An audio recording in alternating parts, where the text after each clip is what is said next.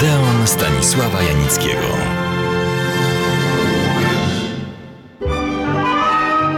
Przed tygodniem opowiedziałem, oczywiście w telegraficznym skrócie, o światowych filmowych remake'ach, czyli powtórnych realizacjach tej samej powieści, sztuki teatralnej czy filmu. Dzisiaj pora na polskie remake'i. Rzecz jasna, jest ich mniej i nie są tak efektowne, ale są. Siódmym polskim filmem fabularnym w dziejach rodzimej dziesiątej muzy była adaptacja głośnej i na owe czasy mocno skandalizującej powieści nie byle kogo, bo Stefana Żeromskiego Dzieje grzechu. Nazwisko reżysera Antoni Bednarczyk i aktorów niewiele dzisiejszym widzom powiedzą, więc je pominę.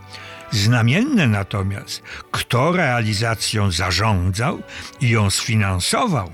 Był nim Konstanty Jarzębski, jeden z pionierów naszego kina, zwany wówczas majstrem kinematograficznym, współwłaściciel warszawskiego iluzjonu Wenus. Premiera pierwszych filmowych dziejów grzechu miała miejsce 26 sierpnia 1911 roku. Prasa oceniła film surowo. Uznano go za szkodliwy. Zorganizowano nawet protesty, co doprowadziło do chwilowego zdjęcia filmu z ekranów przez Oberpolizmeistra. Po licznych przeróbkach i dokrętkach pojawił się jednak znowu na ekranach. W prasie ukazała się tylko jedna pozytywna recenzja, ale to dzięki niej wiemy, jak ten film wyglądał. Cytuję. W szeregu scen powieści przesuwa się przed widzem coraz to inne, coraz to więcej znajome i drogie naszej pamięci tło warszawskich ulic, zakątków, parków. Czujesz, że drama, którego idylliczne początki zaczynają się na tym tle rozgrywać, pomimo że jego bohaterów los rzuca jak pionki po szachownicy doli, od wybrzeża Adriatyku do paryskich bulwarów, z nadtoni genewskiego jeziora na wiedeńskie ringi. Jest jednak nasz, swojski, polski i że takim pozostanie do końca, aż do owego straszliwego momentu, kiedy Ewa pada od bandyckiej kuli pochronia. Próba spopularyzowania arcydzieła Żeromskiego za pomocą kinematografu wypadła świetnie. Po raz drugi sięgnął po tę powieść w 1933 roku renomowany przedwojenny reżyser Henryk Szaro. Obszerne fragmenty filmu się zachowały. Braki uzupełniają ówczesne materiały reklamowe. A więc miłość od pierwszego wejrzenia. Ale Łukasz, Dobiesław Damięcki, związany jest z inną kobietą nie mogąc uzyskać rozwodu, postanawia wyrzec się Ewy, Karolina Lubieńska. Wyjeżdża, nie zostawiając adresu.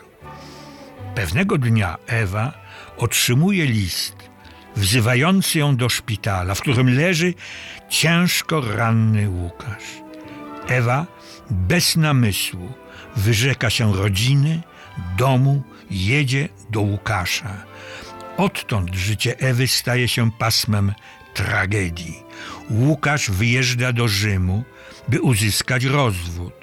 Do Ewy dociera wiadomość, że Łukasz został aresztowany. Pozostawiona sama sobie, w przystępie rozpaczy, półprzytomna, topi dziecko, które urodziła. Kiedy dowiaduje się, że Łukasz, uzyskawszy rozwód, ożenił się, szuka zapomnienia w zabawach, strojach, rulecie. Steroryzowana fizycznie i moralnie przez opryszka pochronia, gra go Bogusław Samborski, zaczyna staczać się coraz niżej. Schodzi do rzędu kobiet ulicznych, staje się narzędziem zbrodni w czasie napadu na mieszkanie Łukasza osłania go własnym ciałem i ginie. Teraz znowu cytuję. Z uśmiechem boskiej radości na ustach umarła, szukając w mrokach śmierci jego spojrzenia. Dzieje grzechu trafiły na ekran po raz trzeci w roku 1975. Jego scenarzystą i reżyserem jest Walerian Borowczyk, jeden z najwybitniejszych polskich grafików i twórców oryginalnych filmów animowanych. Po wyjeździe do Francji także szokujących nieraz filmów fabularnych. Jednym z nich jest zrobiona zresztą w Polsce, wersja dziejów grzechu Żeromskiego. Dodam jeszcze tylko, że główne role grają tym razem Ewa Długołęcka, jej matkę Karolina Lubińska, Ewa w poprzedniej wersji, Łukasza Jerzy Zelnik, pochronia Roman Wilhelmi. Trzykrotnych powtórzeń nie mieliśmy za wiele. Jeszcze tylko dwa – ale o nich opowiem Państwu za tydzień. Serdecznie do Odeonu zapraszam.